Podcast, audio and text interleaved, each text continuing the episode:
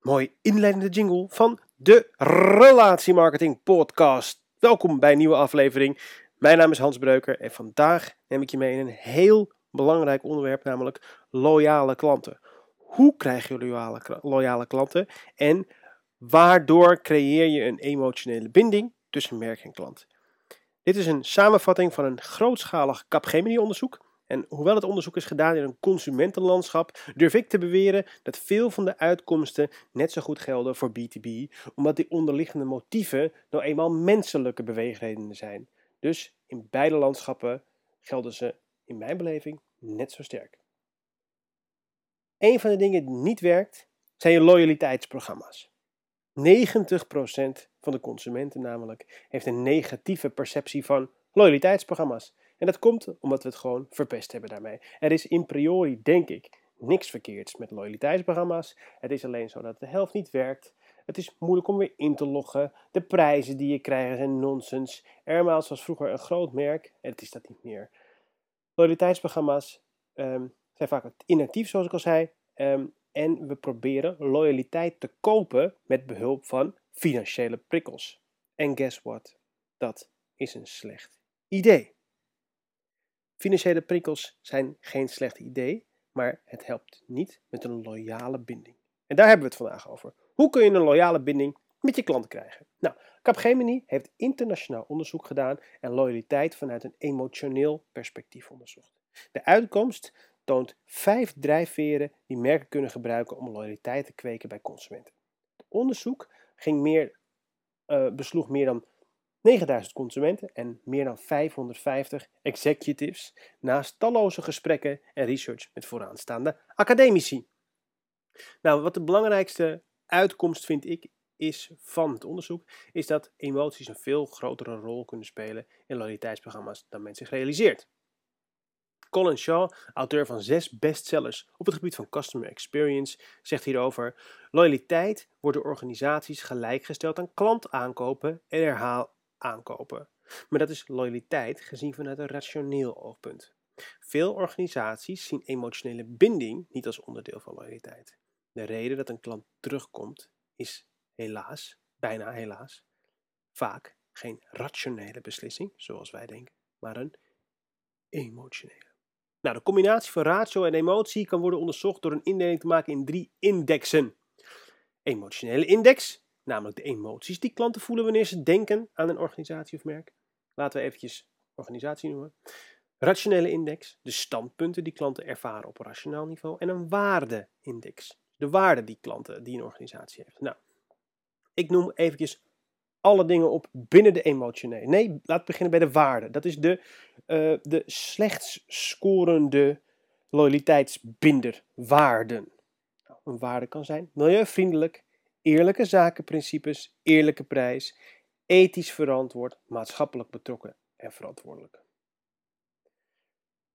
Dan heb je de rationele overwegingen, waar, waar eigenlijk bijna alle communicatie en marketing zich op richt.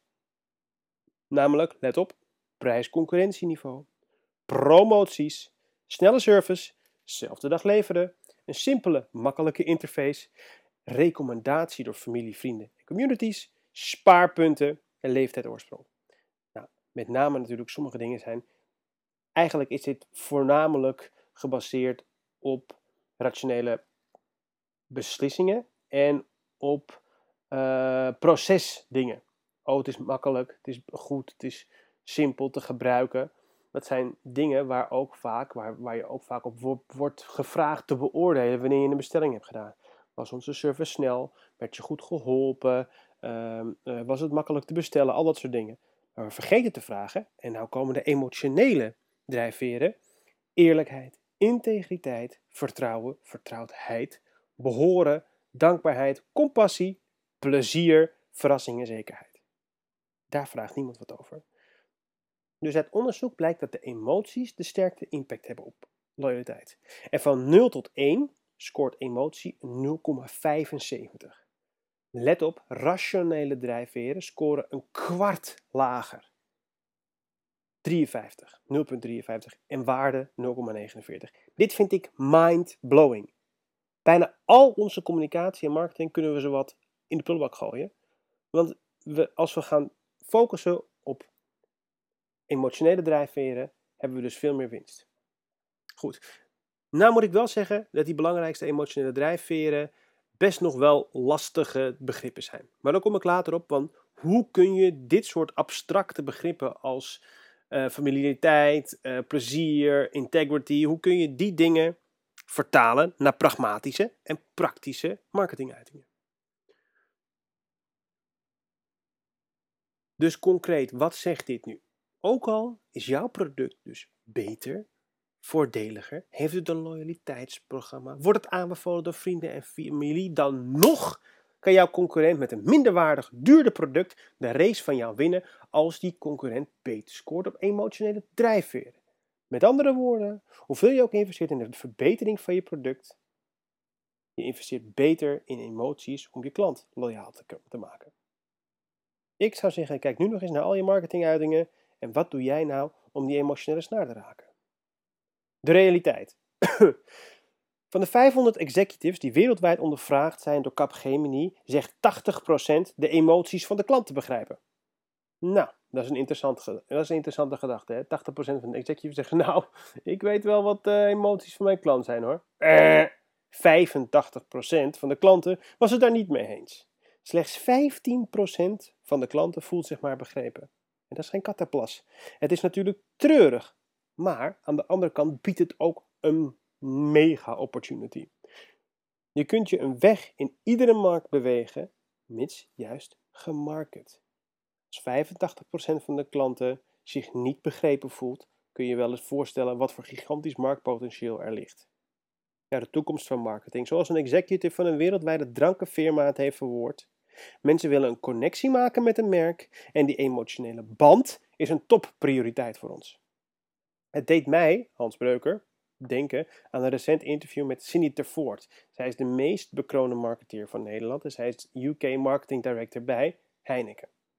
En zij zegt, het is een korte quote, geen marketeer kan meer om zingeving heen de hele meest bekroonde uh, campagne Worlds Apart is daar een goed voorbeeld van. Dat Heineken vol inzet op emotionele, emotionele beleving. Niet meer om iets, hoe iets smaakt, hoe het eruit ziet, maar welk gevoel wek je op. Maar goed, dat is altijd leuk hoor, die internationale grootscheepse campagnes van merken met mega budgetten en de beste reclamebureaus. Dat is allemaal leuk. Dat vind ik sowieso altijd een zwakte van al die bladen waar we in lezen. Het zijn altijd de grote merken die we horen. Hoe, wat kunnen wij nou doen als MKB'er? Hoe krijg je loyale klanten? Wat kan je hier als klein of middelgroot bedrijf van leren en morgen toepassen om je niet alleen maar die loyaliteit, maar je omzet te vergroten en klanten te behouden? 1. Investeringen in producten en diensten hoeven niet topprioriteit te zijn. Die zijn dus niet heilig. 2. Investeer in emotionele binders zoals ik ze noem, celebration moments, zoals verjaardagen, jubilea van je relaties, klanten, voltooide opdrachten, etc. Verras je klant met leuke dingen. Dat is punt 3. Pik een moment in de verkoopcyclus, na factuur, voor een factuur, noem het maar op, en vier het samen. Praktische tips nummer 4. Organiseer events om vertrouwdheid en familiariteit te bewerkstelligen. Vertel je verhaal. Geef een inkijkje in waar je mee bezig bent, hoe je bezig bent, welke waarden vertegenwoordig je. En 6. Betrek je klanten bij innovatie en klantonderzoek en laat ze weten wat je ermee gedaan hebt. Heel belangrijk dat mensen kunnen vertellen wat je wil. Voor een restaurant is dat belangrijk. Oké jongens, ik heb drie nieuwe gerechten. Kom je het proeven? Welke vind jij het lekkerst? Bam, het is degene waarvan je het minst had verwacht. En die zet je op de kaart. De mensen die geweest zijn bij je restaurant voelen zich betrokken, want die hebben gekozen voor hun beste, beste naar hun beste geweten en hebben een binding met je. Hetzelfde geldt voor reclamebureaus. Wat, wat, wat wil jij nu van mij? Wil je een idee om iets beter te maken? Hetzelfde geldt voor recruitmentbedrijven. Wil je dat ik uh, proactief kandidaten bij jou laat zien? Hetzelfde geldt voor energieleveranciers. Wat kan ik doen om jou te helpen? Welke emoties hebben de grootste invloed op realiteit? zoals ik net ook al aangaf, familiariteit en vertrouwen blijven best wel abstracte en moeilijke begrippen. Maar de andere drijfveren, bijvoorbeeld plezier, waardering, compassie en verrassing, zijn dat niet. Dat zijn heldere emoties die je heel praktisch kunt toepassen. Nou, Coolblue, dat weten we allemaal, mag als voorbeeld gelden. Deze internetgigant zet vol in op deze zaken. En dat is een van de redenen waarom het bedrijf zo goed. Met name humor, dus de drijfveren plezier en verrassing, werken erg goed. En voor iedereen die nog niet overtuigd was, de laagst scorende emotionele drijfveer in de index, de laagst scorende, verrassing, scoort altijd nog vier punten hoger dan de complete rationele index, namelijk hè, prijs, goede processen, etc. En maar liefst acht punten hoger dan de complete waardeindex. Nou, wat is een verwachtingspatroon? Bedrijven gaan steeds verder investeren in hun relatiemarketing en dat verwachten klanten en consumenten ook meer. Emotioneel geëngageerde klanten vinden twee-weg interactie belangrijk. Dus laat dus iets van je horen en niet alleen een onpersoonlijke nieuwsbrief. Dat kan namelijk, zeker als je wat kleiner bent. Als je een MKB-bedrijf bent, je hebt 50 klanten, is het heel makkelijk om goede twee-weg interactie te hebben. Nummer 2. De klanten hebben hogere verwachtingen van werken van merken. 3. Ze willen meerdere vormen van communicatie. 4. Ze willen verschillende soorten shoppingervaringen, online, offline, pop-up stores. En 5. Ze associëren specifieke emoties met merkinteracties. Nou, wat is, vind ik, een absolute shocker. Mocht je nog niet overtuigd zijn en mocht je toch nog denken, ja, maar we zijn toch allemaal rationele mensen. We maken toch beslissingen met ons hoofd. Ik doe tenders. Ik doe aan grote aanbestedingen. Ik heb uh, allerlei wetten waar ik me aan moet houden. Ik kan er niet zomaar op emotie inzetten. Ik, ben, ik heb het beste product en het beste proces. En daardoor ben ik goed. Daar ga ik op inzetten. Mocht je die gevoelens nog steeds hebben, laten we dan nu voor eens en altijd zeggen dat dat onzin is. 80% van de klanten die een emotionele band voelt, verwachten van een merk dat het zijn of haar persoonlijke voorkeuren kent. En dan de shocker. 69%, dus bijna driekwart van alle klanten wil dat het merk een grotere rol in zijn of haar leven speelt. 70% wil dat. Nou, dat is dus in mijn beleving mind-blowing. Maar het sluit wel aan op wat bijvoorbeeld Gary, Gary Vaynerchuk zegt over grote merken. Die merken hebben zo'n grote emotionele lading dat hun fans, hun ambassadeurs, graag meer van ze willen. Hij heeft zelfs een clipje die ik op mijn website heb staan. Waarom maakt bijvoorbeeld BMW geen scheermesjes? Of grafsmaaiers? Of verkopen ze geen vakanties? Het gevoel dat je bij een merk hebt reikt verder dan de auto. En nu laten de cijfers dat dus ook zien. Kijk, natuurlijk als je de bakker om de hoek bent, is dat misschien minder relevant, maar misschien ook niet. Die focus is belangrijk tot een bepaald punt. Alle focus is belangrijk. Iedereen vindt focus belangrijk in een, in een, in, die maar wat met bedrijven te maken heeft. En natuurlijk is het zo, totdat je een bepaald soort dat het vliegwiel, het vliegwiel moet draaien aan het begin van een bedrijf. En dat is het moeilijke. Weet je. Dat duurt wel 1, 2, soms 3 jaar voordat het draait. Alles staat op zijn plaats. Er wordt omzet gemaakt. Je kunt rekeningen betalen. Er wordt winst gemaakt. Dan kan je best kijken wie zijn mijn loyaalste klanten. Met welke mensen heb ik de best, het beste gevoel. En daar kan je dan over nadenken welke nieuwe producten moeten er geleverd worden. Die weet jij vaak wel. Die weten ondernemers vaak wel. Dus wat zijn de learnings? Als je een grote emotionele band hebt met je klant, moet je bijna een grotere rol spelen in zijn of haar leven. Het bevestigt de strategie waarbij je dus binnenkomt met een kleine dienst, bijvoorbeeld weet ik veel, SEO-optimalisatie, en uiteindelijk volledige ondersteuning van het bedrijf van administratie tot marketing, CRM-management en misschien zelfs wat toiletpapier. Why not? Alleen als de emotionele band groot is, kun je dat doen. Dus vandaar dat klauwe, klauwe, trant, klauwe tranten, pardon, trouwe klanten van Coolblue niet alleen een laptop kopen, maar ook de wasmachine en misschien in de toekomst, waarom niet, naar een Coolblue ziekenhuis gaan. De klant wil het per slot van rekening. Nu heb ik het nog steeds over grote consumentenmerken. Als je een band voelt met Adidas, leef je een sportief en edgy leven, maar je wordt ouder. En waarom, wordt, waarom opent Adidas dan geen gezond en sportief verzorgingstehuis? Je ziet exclusieve merken het al doen. Niet de verzorgingshuizen, maar uh, D-Squared, een fashionmerk, heeft een horecazaak. Ceresio 7 in Milaan. Burberry heeft een café in Londen. Marni heeft in Osaka het Marni Flower Café. Armani, Ralph Lauren, Bulgari ook. Uiteraard zijn dat mensen, merken die al langer diversificeren met parfums en kleding en lifestyle. Maar dit onderzoek ondersteunt deze bedrijven in hun intuïtie. Wat voor gevolgen hebben deze resultaten? Nou, marketing moet zich meer gaan richten op emotionele binding door in te spelen op deze drijfveer.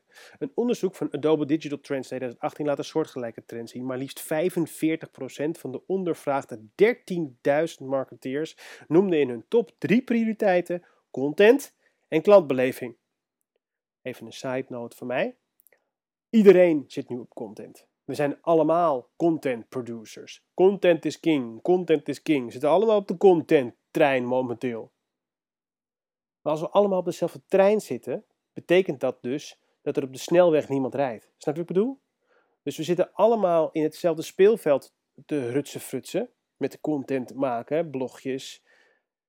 Terwijl iedereen dat doet. Dus waar is het onderscheidende? En vraag je ook af, is content, hè, dus met name kenniscontent, is dat rationeel of is dat emotioneel? Die vraag laat ik even bezinken. Ik denk dat je inmiddels wel weet. Veel content is gebaseerd op ratio. Waarom moet je wel degelijk bang zijn? Kijk, als je denkt dat jouw branche veilig is, forget it. Zodra een grote speler interesse krijgt in jouw branche, en met klanten die hem een 9 of 10 geven, dan ben je de klos. Scoor jij een 8, is je klant onverschillig. Alleen een 9 plus is goed genoeg. Of zoals de auteurs Barry Veldhoen en Stefan van Sloten zeggen in hun boek De 9 Plus Organisatie. Een klanttevredenheidsscore tot en met een 8 betekent niet dat de klant tevreden is, maar eigenlijk dat hij onverschillig is. De kern van het probleem is dat ondernemingen tevredenheid definiëren aan de hand van maatstaven die ze zelf hebben bedacht. Dat zeg ik nu dus even. Precies hetzelfde als die mailtjes die je krijgt als je een kookwekker hebt besteld bij bol.com. Wat vond je van deze kookwekker? Is hij niet geweldig? En vaak zijn het alleen maar vragen die zij zelf hebben bedacht, zelf hebben geschreven en ook zichzelf hebben gedaan. Een beetje wij van WC Eend adviseren WC Eend. Nou, de kern van het probleem is, zoals ik al zei, is dat ondernemingen tevredenheid definiëren aan de hand van maatstaven die ze zelf hebben bedacht, zonder te weten wat hun klanten echt bezighoudt. En dit is waar het in bedrijven fundamenteel misgaat. In de beleving van de onderneming wordt er verbeterd. Dus het proces en de uh, user experience, jaren, jaren, jaren. Maar in de beleving van de plant, klant doet het er niet of nauwelijks toe. Nou, hoe krijg je loyale klanten? Dit zijn de tactieken dit zijn de tactieken bij de drijfveer. Bij het drijfveer erbij horen is beta testen en productplanning. Bij het woord vertrouwen, snelle reacties op klachten, bijvoorbeeld via social media. Bij het begrip plezier, er wordt aandacht besteed aan speciale gelegenheden in mijn leven, verjaardagen, banen, etc. Erbij horen, ik krijg exclusieve events, misschien ook wel een beetje exclusieve deals echt exclusief. Waardering. Ik kan zelf bepalen welke voordelen ik geniet. Ik krijg soms cadeautjes, gewoon om te laten zien dat het merk blij is met mij als klant. Erbij horen. Mijn feedback wordt opgepikt. Er wordt geluisterd naar wat ik zeg. Compassie. De klant kan bijdragen aan de filantropische initiatieven van een organisatie. Interessante. Heel veel bedrijven kiezen zelf een goed doel, geven daar zelf geld aan. Maar er is geen bedrijf die zegt: hé hey joh, welk goed doel zal ik steunen? Kies uit deze vijf. Eerlijkheid. Ik krijg gepersonaliseerde aanbevelingen op basis van mijn echte behoeften en voorkeuren. Nou, praktisch. Hoe ga je dit kap, grote Capgemini-onderzoek in de realiteit brengen? Al deze voorbeelden zijn voor een bedrijf redelijk moeiteloos te integreren, maar de realiteit is dat er vaak maar een aantal van deze facetten worden ingezet. En wordt er groots ingezet, dan is het vaak niet consistent. Een creatieve office manager start met volle goede moed, maar wordt later ondergesneeuwd door de dagelijkse beslommeringen. Mensen veranderen van baan enzovoort. Dus, wat moet je doen? Plan naast je marketingbudget ook je relatiemarketingbudget. Bepaal wie, wat, wanneer krijgt. En dat zal je meer opleveren dan je denkt. Er is een statistiek beschikbaar die als je 5% meer in je waardering gooit, in je retentie, in je personeel, en je klanten dat je tot wel 125% meer winst kunt krijgen. Dus dat is een relatiemarketingkalender, kan je downloaden op mijn site. Hoe zit het met de knaken, de dinero's, de poen, de poet, de loot, de dollars? Wat is de ROI? Wat is de return on investment op relatiemarketing? We zijn niet alleen Nederlands, maar we zijn ook zakenmensen. We willen weten wat iedere euro opbrengt. Nou, 70% van de klanten die een loyale band hebben met een organisatie spenderen twee keer of meer zoveel geld aan een merk of organisatie waarmee zij een emotionele band voelen dan een merk dat ze niet trouw zijn. Nogmaals, 70% van de klanten die een loyale binding hebben spenderen twee keer zoveel als met, dan als ze geen loyale binding hebben. Dus daar kunnen we kort over zijn. Die ROI, hoeven we het niet meer over te hebben. Het loont en hoe. Heb ik nog een stevige statistiek voor je. 86% van de klanten met een emotionele band met een organisatie zeggen ze dat ze altijd denken aan het merk dat ze trouw zijn als ze denken over een aankoop. En maar liefst 82% zegt te kopen bij een merk. Dit zijn zulke bizar hoge cijfers dat je, dat je zou denken dat ik het gemanipuleerd heb, maar het zijn dus feitelijke gegevens. Ik hou niet zo heel erg van die statistieken, weet je wel. We weten allemaal dat je consistent moet zijn. We weten allemaal dat waardering loont. En toch denken we, neigen we altijd weer richting die rationaliteit te gaan. Onderzoek naar onderzoek leert dat je je klanten moet belonen en dat als je een loyale binding hebt, ze altijd naar jou terugkomen. Praktisch. Nou, wanneer je dus die 9 plus scoren of die 10 scoort bij je klant, kun je er dus vanuit gaan dat ze iets voor je terug willen doen. Wat zou dat kunnen betekenen?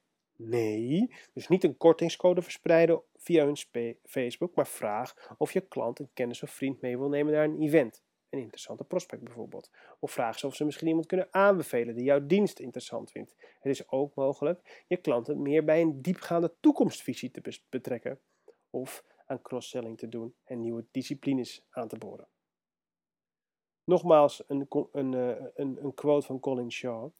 De meeste organisaties denken dat consumenten rationele beslissingen maken gebaseerd op het product. Maar de emotionele kant is absoluut belangrijker. Ook voor B2B, ja.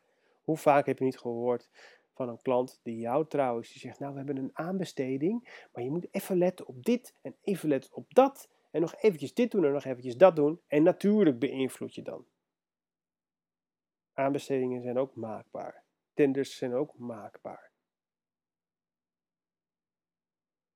Hoewel aankoopbeslissingen wellicht ingewikkeld lijken met een B2B, zit er ook emotie op bedrijfsnamen. KPMG, Rabobank, maar ook kleinere merken adverteren. Emotie speelt nou eenmaal een grotere rol. Je ziet het bij de grote merken die zich richten op ondernemers, die spelen veel meer op emotionele beleving. Emotie moet een veel grotere rol gaan spelen dan die ene tweak aan je app of die nieuwe functie in je product. De klant wil het per slotverrekening. Nu zou Capgemini niet zijn als ze niet een bijzonder ingewikkelde strategie hebben bedacht, waarbij de learnings van dit onderzoek in je organisatie kunt nestelen. Je combineert rationele factoren als prijs, aanbod, service, locatie en time sensitive met emotionele factoren als respect, wederkerigheid, erkenning en beloning. En die zorgt voor de bindende ervaring. Oftewel service onboarding, personal curation, inspirational exploration, dream planning en rewarding experience. Nou ja, dan word ik ook altijd, krijg ik ook altijd een beetje um, sterretjes, zie ik sterretjes. Dream planning en inspirational exploration. Het is mij te zweverig. Ik, ik denk dat je daar niet alleen klanten mee verliest, maar ook je eigen nuchtere Hollandse medewerkers. Ik zie me al aankomen bij bedrijven met dit soort termen. We het gewoon praktisch houden. Ik zou sturen op onvergetelijke ervaringen met je relaties. Besteed meer geld aan waardering en gezamenlijke vier momenten, dan lig je al mijlenver voor op je concurrentie. En hou het laagdrempelig. Pluk het laaghangende fruit en bouw van daaruit verder. Ben eenmaal per jaar een event, vier de momenten en verras je klanten één of twee, jaar, twee keer per jaar met iets leuks. Meet vooraf hoe de klant over je denkt en een jaar weer en zie wat het verschil is. Zou ik bijna vergeten. We weten inmiddels dat een cijfer onder een 9 een onverschillende klant, een onder een 9 een onverschillige klantbeleving weergeeft. Maar waar focus je je op? Welke vragen stel je in je klanttevredenheidsonderzoek? Dus niet meer alleen maar over je producten en je diensten. Het onderzoek moet anders. Want als je wilt weten hoe je emotioneel scoort, dan zul je daar naar moeten vragen. Zet bijvoorbeeld de emotionele drijfveer onder elkaar en vraag eerlijk: hoe eerlijk vind je ons? Hoe betrouwbaar? Hoeveel fun? Als je dan een 10 scoort, fantastisch, dan ligt de wereld aan je fucking voeten. Best practice. De beste manier geobserveerd in het in kaart brengen van een customer journey. Een gedetailleerd beeld van elk facet van hoe klanten omgaan met je merk. Producties, promoties, mensen en services online. Vervolgens ga je op zoek naar moments of truth. Sleutelmomenten die het verschil maken tussen een merk en een emotionele band opbouwen en een vernietigen. tijdens deze momenten dat de perceptie van een klant wordt gevormd. De digitale weg naar emotie. Capgemini voorspelt dat technologische organisaties, oh nee, dat technologie organisaties zal helpen om consumentengedrag door emotieanalyses te doorgronden. De voorspelling is dat emotieanalyse cumulatief jaarlijks een groeiprocent van bijna 83% zal doormaken tot 2022. Niet gering. En in het Adobe-onderzoek stak dezelfde trend op. Voorbeelden van merken die hier nu al mee bezig zijn: Humana, een Amerikaanse verzekeraar, gebruikt AI om de toon van de consumenten te analyseren. Walmart filmt de klanten om ontevreden klanten te identificeren. Nou, ik ben het hier deels mee eens, in de zin dat technologie natuurlijk een belangrijke rol speelt, al was het maar om het CRM-systeem optimaal te benutten. Maar de creatieve variabele, het emotionele, vindt plaats in het fysieke. Een e-mail, die maakt niemand meer heel blij. Fysieke cadeautjes en events wel. En als je technologie gebruikt om dat te ondersteunen, zeg ik ja. Andersom, nee. Kijk, e-mail maak je misschien. Ik heb daar nog wel een zijnoot van. Want e-mail is daarentegen wel een hele directe manier om mensen te benaderen. Mensen. de creatieve variabele is alleen 9 van de 10 keer waardeloos. Het is: hey Hans, we hebben nu weer een nieuwe aanbieding. Hey Hans, heb je dit al gehoord? Hey Hans, we wij hebben een nieuw stukje informatie voor je. Maar het is niet eens een keertje: hey Hans, hey, check mijn entertaining iets.